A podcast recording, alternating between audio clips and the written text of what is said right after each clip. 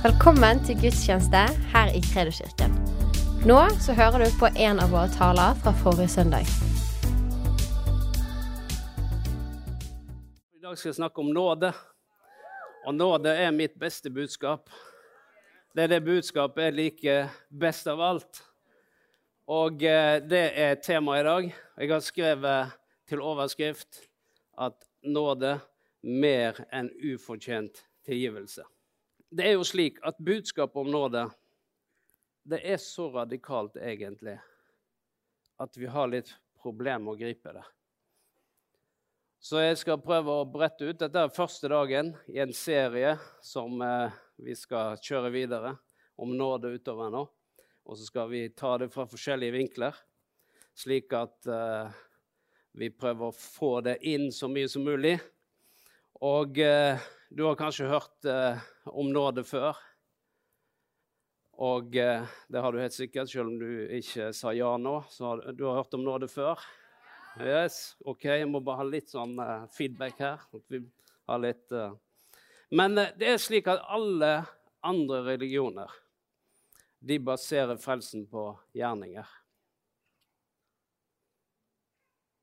Og uten at du er helt sikker på det, så kan det være at det holder når du dør. Det er det religion er basert på. Mens evangeliet, de gode nyhetene, om Jesus Kristus, den baserer seg på frelsen, på tro uten gjerning. Og vi mottar frelsens gave fra Gud. Og så vil det garantert holde når vi dør. Du behøver ikke gå her i livet og være usikker på om det kommer til å holde. Og det er faktisk en del kristne som går rundt og er usikre på kommer det til å holde. Men det tilhører andre religioner. Det Det tilhører ikke kristendommen. Ja, men eh, er ikke det vanlig med tvil? Jo, tvilstanker kan komme. Men da er det spørsmålet hvor du da lander.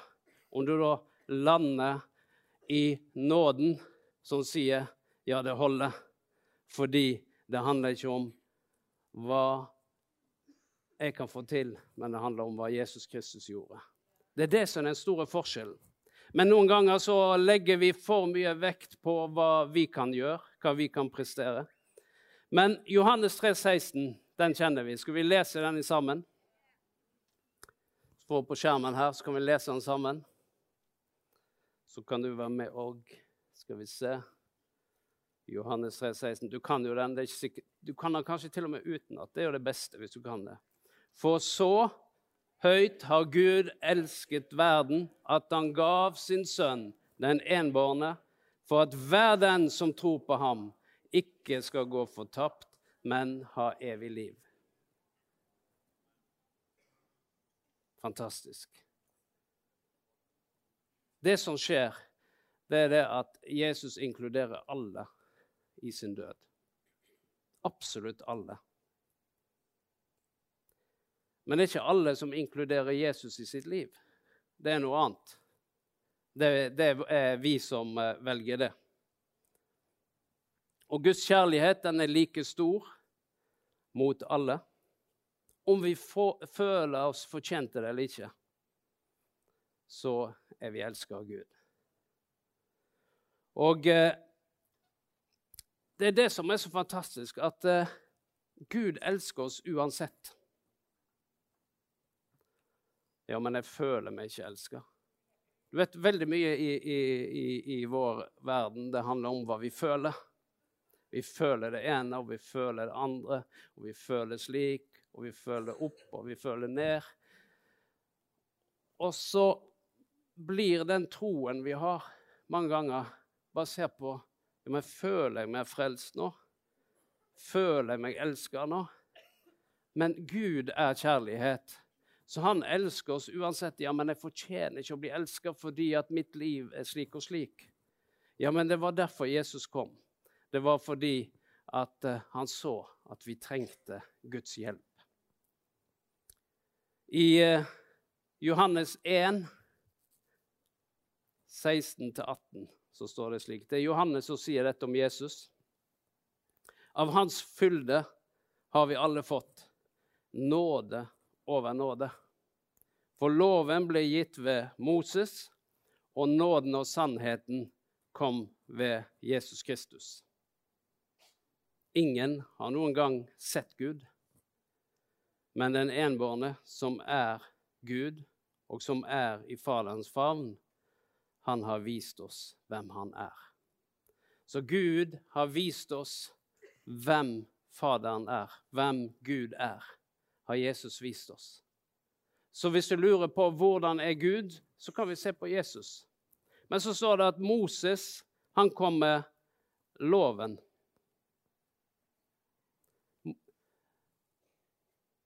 Loven ble gitt ved Moses, men nåden kom med Jesus.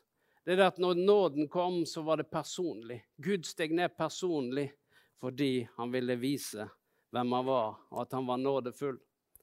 Og eh, det er noe av det som, eh, som jeg vil snakke litt om. Ikke veldig mye, for vi skal, det her er bare oppbygning mot der vi skal ende opp. Men eh, når loven kom Loven vi, vi, kjenner til de ti bud. Du har hørt om de ti bud. Og eh, morallovene. Men når, når, Moses kom med loven, så kom han med mye mer enn de ti bud. Og kravet var at du måtte holde loven helt og fullt.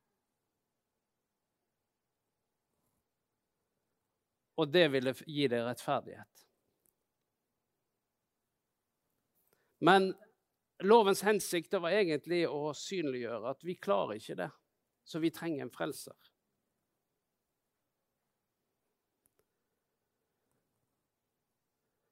Og derfor så kom Jesus. Fordi loven, den er hellig, men den kan ikke gjøre noen hellig. Den er rettferdig, men den kan ikke gjøre noen rettferdig. Derfor så har vi Jesus Kristus, som kom og ble vår rettferdighet. Og når vi da tenker på de ti bud, de handler om at vi skal, og vi skal ikke. Vi skal, og vi skal ikke. Og vi lærer disse ti budene. Du skal ikke stjele. Du skal ikke drepe. Du skal ikke lyge. Og en eller annen plass i bakhuet vårt så begynner vi å tenke at kristendommen handler om hva du skal, og hva du ikke skal.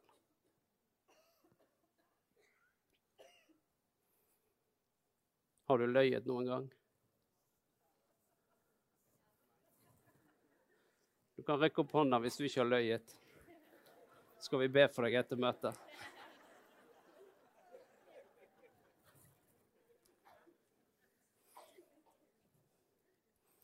Pleier av og til å fortelle om han som hadde fått denne eh, kassetten med preken om løgnens ånd. Og så Han abonnerte på den, og så hadde han fått, eh, med en feil så hadde han fått to, to stykk. Så da eh, sendte han den ene i retur med en, en lapp oppi konvolutten hvor det sto at 'Jeg returnerer løgnens ånd', da jeg har den fra før.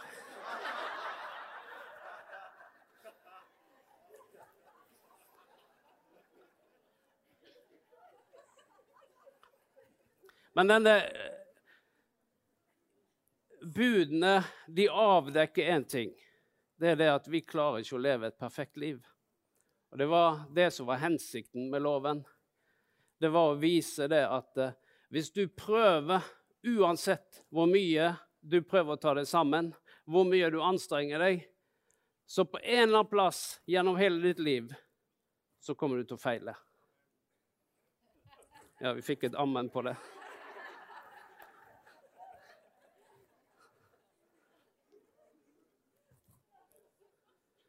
Og derfor så nytter det ikke å prøve på egen rettferdighet. For det er det som skjer, det er at da prøver vi å ta oss sammen. Vi prøver å gjøre så godt vi kan. Ja, men Gud må jo være fornøyd med meg, fordi at nå har jeg vært så flink i det siste. Jeg har, ikke, jeg har ikke gjort det, jeg har ikke gjort det.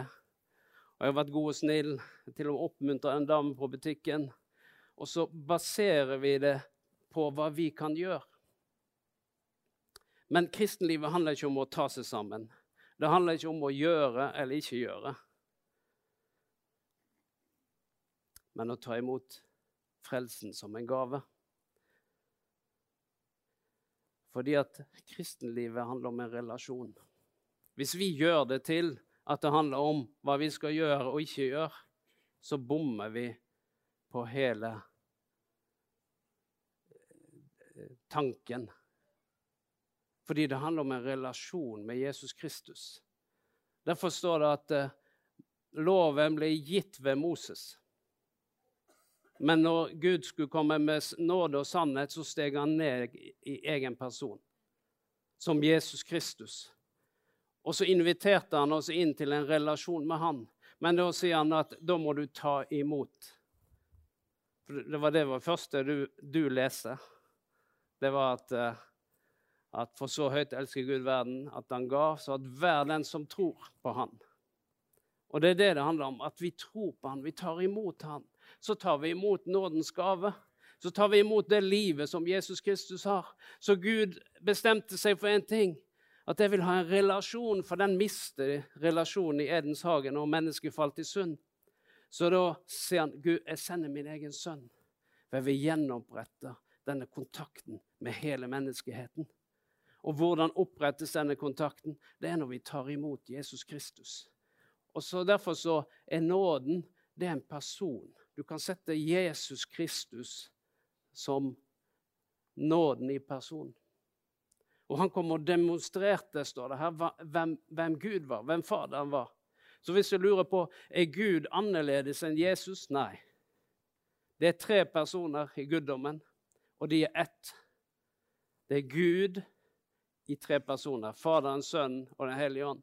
Og de har den samme karakter. De har den samme eh, eh, innstilling. Det er ikke slik at Jesus mener noe annet enn det Faderen mener. Nei, de mener akkurat det samme. De står for akkurat det samme. De er like barmhjertige, de er like nådefulle, like kjærlige. Det er ingen forskjell. Men noen ganger så har vi et gudsbilde om at Gud er annerledes enn Jesus. Men Gud steg ned gjennom Jesus Kristus for å demonstrere hvem han var. Så møtte han denne kvinnen som de kom dragende med, mennene som var grepet på fersk gjerning i hor. Og så står de klar til å steine henne pga. synden hun hadde gjort.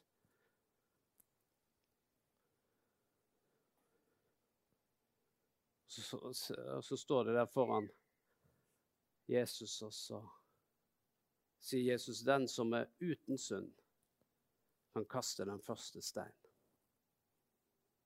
Og står det, da hørte du steinene falt i bakken. Én etter én. Og så sto Jesus alene igjen.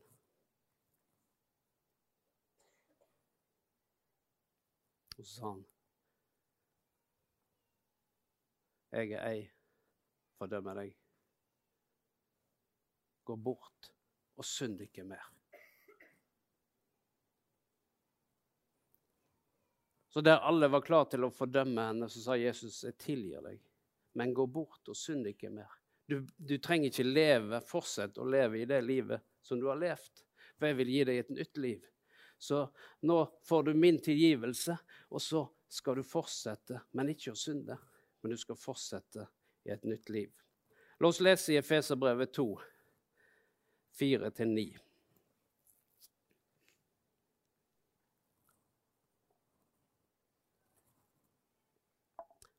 Men Gud er rik på miskunn. Fordi han elsket oss med så stor en kjærlighet. Gjorde han oss levende med Kristus, vi som var døde på grunn av våre synder. Av nåde er dere frelst. I Kristus Jesus har han reist oss opp fra døden sammen med ham og satt oss i himmelen med ham. Slik vil han i de kommende tider vise uendelig rik nåde og sin godhet mot oss i Kristus Jesus. For av nåde er dere frelst ved tro. Det er ikke deres eget verk, men Guds gave. Det hviler ikke på gjerninger for at ingen skal rose seg, for vi er Hans verk, skapt i Kristus Jesus, til gode gjerninger, som Gud på forhånd har lagt ferdige for at vi skal skulle gå inn i dem. Det står her at vi er frelst av nåde ved tro uten gjerning. Og når vi snakket om loven i sted, så, så handla den om hva vi kunne gjøre. Hva vi skulle gjøre og ikke gjøre. Og så sier Paulus her i, til Efeserne at uh, dette nye livet som dere tar imot av Guds nåde, at dere blir uh, frelsen, den baserer ikke på deres eget verk. Det er ikke det dere kan få til. Men det er jo òg sånn at uh, hele vår oppvekst den går på at vi lærer ja, det må du gjøre, og det må du ikke gjøre. Du skal gjøre sånn.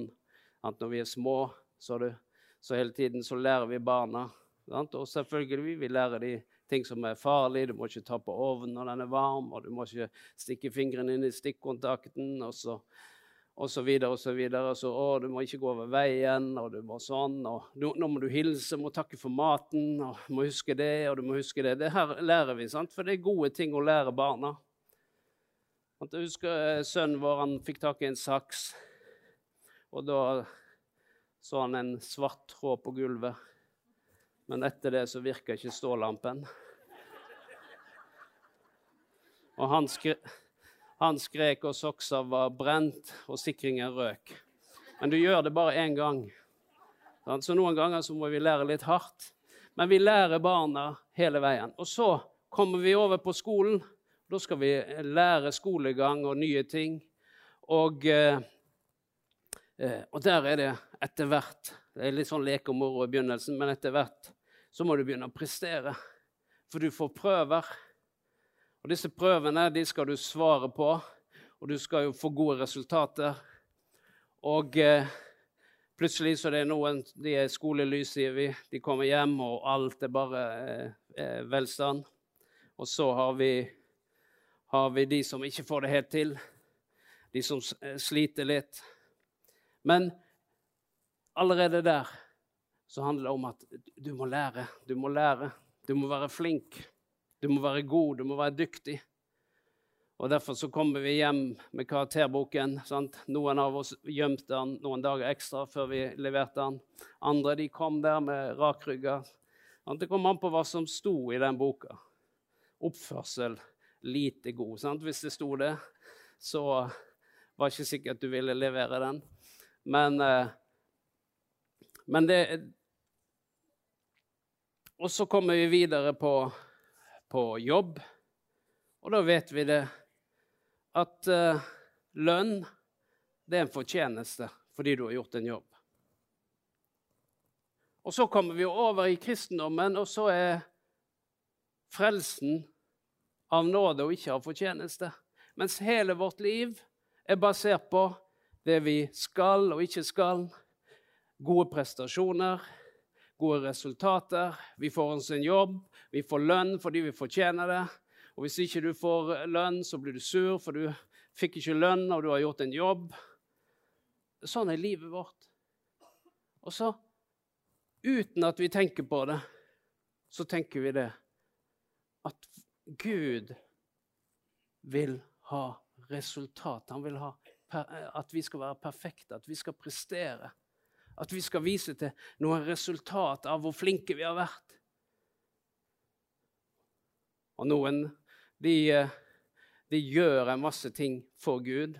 Så tenker jeg Gud, du er fornøyd med meg. Men det som er, det er at når vi tar imot Jesus Kristus, så er det ikke fordi vi allerede er perfekt men fordi vi trenger hans frelse. Mens noen tenker ja, men, skal, eh, men først må jeg forbedre meg litt. Først må jeg bli litt flinkere til det.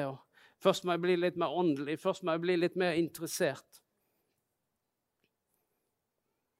Men hele budskapet er at vi tar imot frelsens gave.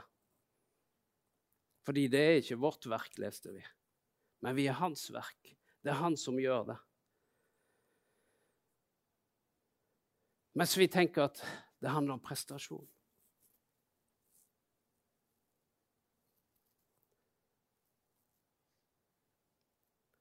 Vi mottar ikke Guds nåde,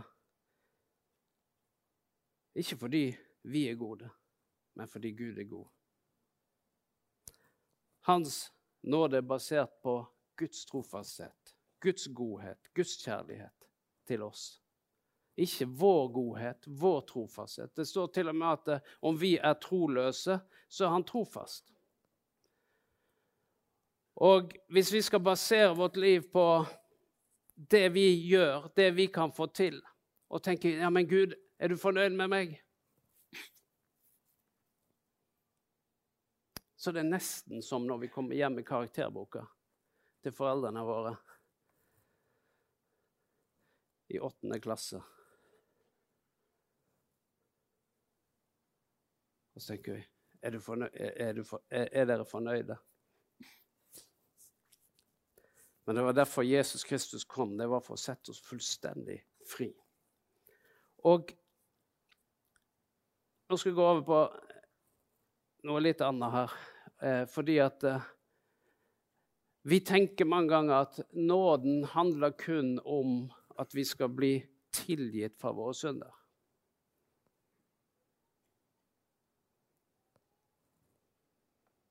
Men nåden handler om at Gud gir oss et helt nytt liv. Det er det som er nådens budskap. Vi har gjort det noen ganger til at det handler om at Gud bare skal tilgi oss våre synder. Det er ikke bare bare det, altså. Men det gjorde han på korset. Så døde han for all verdens synd. Men i samme kapittel som vi leste i Johannes 3, 16, så begynner kapittelet med at Jesus har en samtale med en kar som heter Nikodemus. Og Nikodemus var en skriftlærd. Han var egentlig perfekt på alle måter. Han fulgte loven så godt han kunne. Han gjorde alt det som var riktig, og alt det som samfunnet krevde av han, alt det religiøse samfunnet krevde av han. Han var en høyt ansett mann som kom til Jesus. Og så sier Jesus, 'Du må bli født på ny'. Og han skjønte ikke. Så han lurte på ja, skal jeg liksom krype inn i mors mage og bli født en gang til. Nei, han sier at det som er født menneskelig, det er menneskelig, men det som er født ovenfra, av Ånden, det er overnaturlig.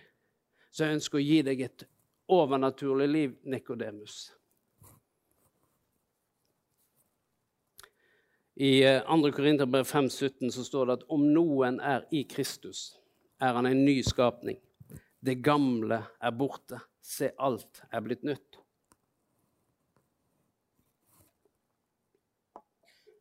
Det gamle er borte.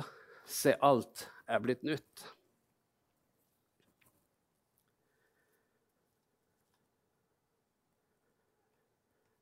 Har du hørt uttrykket at uh, 'jeg er bare en synder, frelst av nåde'? Har du hørt det uttrykket? Og Det er jo en viss sannhet, men det er ikke hele sannheten. Det er begynnelsen på en sannhet. Jeg er en synder frelst av nåde. Men så tok jeg imot Jesus Kristus, og så ble jeg en ny skapning i Kristus Jesus. Det gamle er borte, og alt ble nytt. Jeg ble født på ny. Så fikk jeg et nytt liv på innsiden. Jesus han, eh, ga en lignelse i Lukas 5 hvor han eh, snakker om det å og eh, ta et et stykke av et nytt plagg og rive det ut for å pynte på det gamle. Og eh, Enkelte ganger så tror vi det at eh, det handler om å pynte på det gamle. Men det er ikke det Jesus sier. Han sier at alt blir nytt. Han ga oss et nytt liv, en ny identitet. Og hvis min identitet er i at jeg er en synder, frelst av nåde Men når du blir en ny skapning, så står det at vi tar imot Guds rettferdighet. Det betyr at jeg har fått et nytt liv. Og det betyr at jeg er rettferdig i Kristus Jesus. Og det betyr at jeg kan komme inn for Gud med frimodighet. Men hvis min identitet er at ja, men jeg er en synder som gjør så godt jeg kan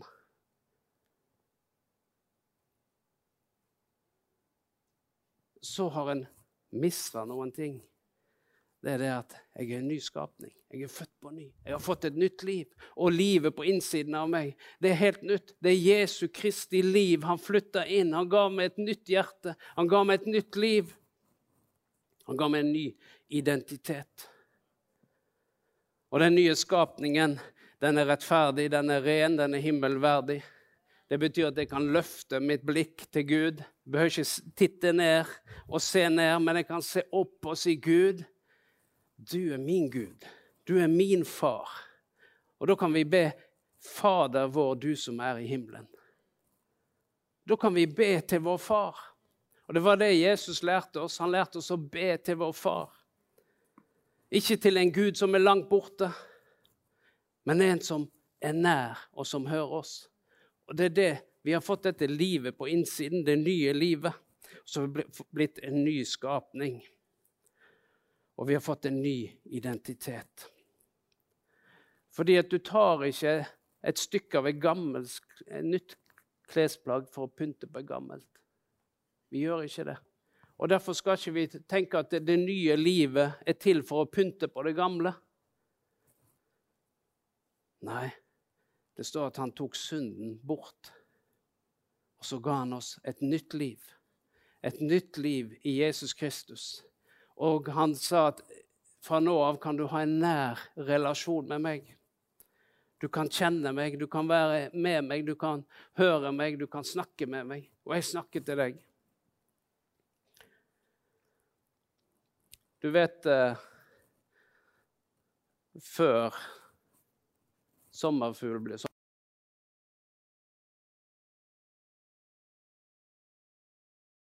Så er det en larve. Kryper omkring. Og så blir han født på ny og får vinger og flyr omkring. Men hvordan er det da hvis denne sommerfuglen fremdeles kryper rundt vinger på ryggen, du kan fly, du kan være fri. Men du kryper fremdeles rundt.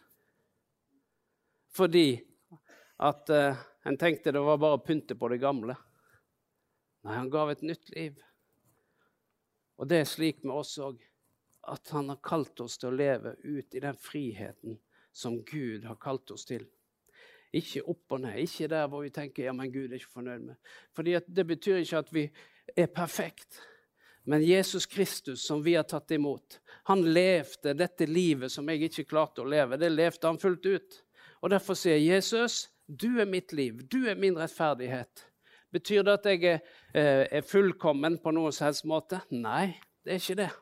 Men det er ikke derfor at jeg tilhører Kristus. Det var fordi jeg tok imot ham. Det var ikke fordi at jeg fortjente det, men fordi jeg skjønte jeg trenger en frelser. Og derfor tar jeg imot Jesus Kristus. Det gjorde jeg da jeg var nesten 16 år gammel.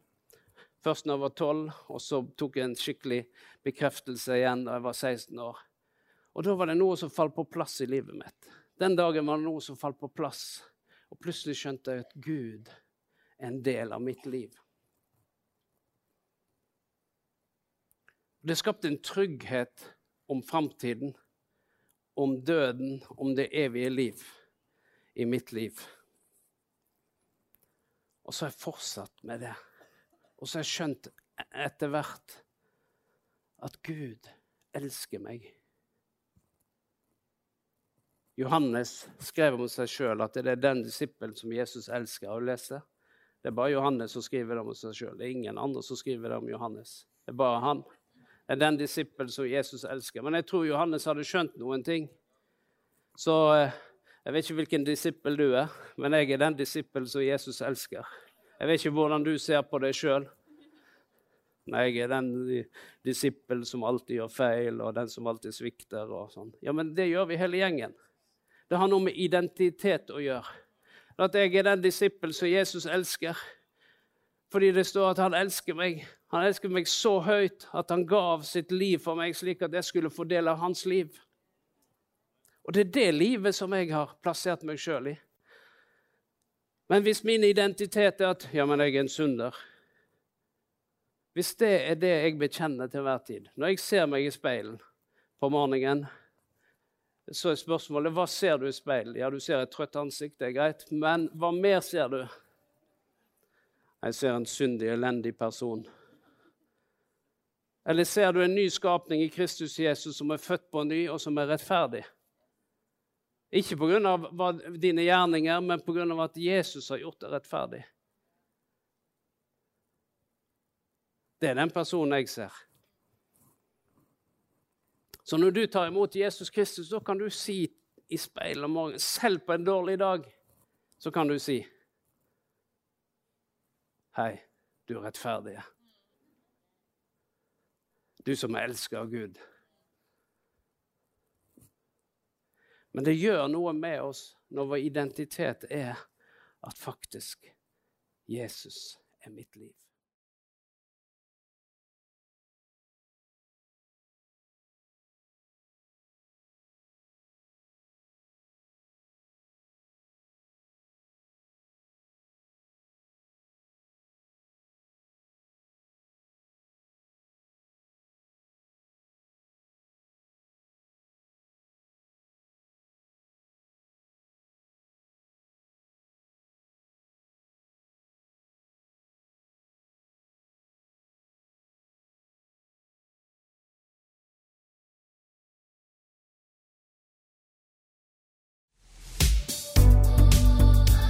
Tusen takk for at du lyttet. Følg oss gjerne på Instagram og Facebook, og så snakkes vi neste uke.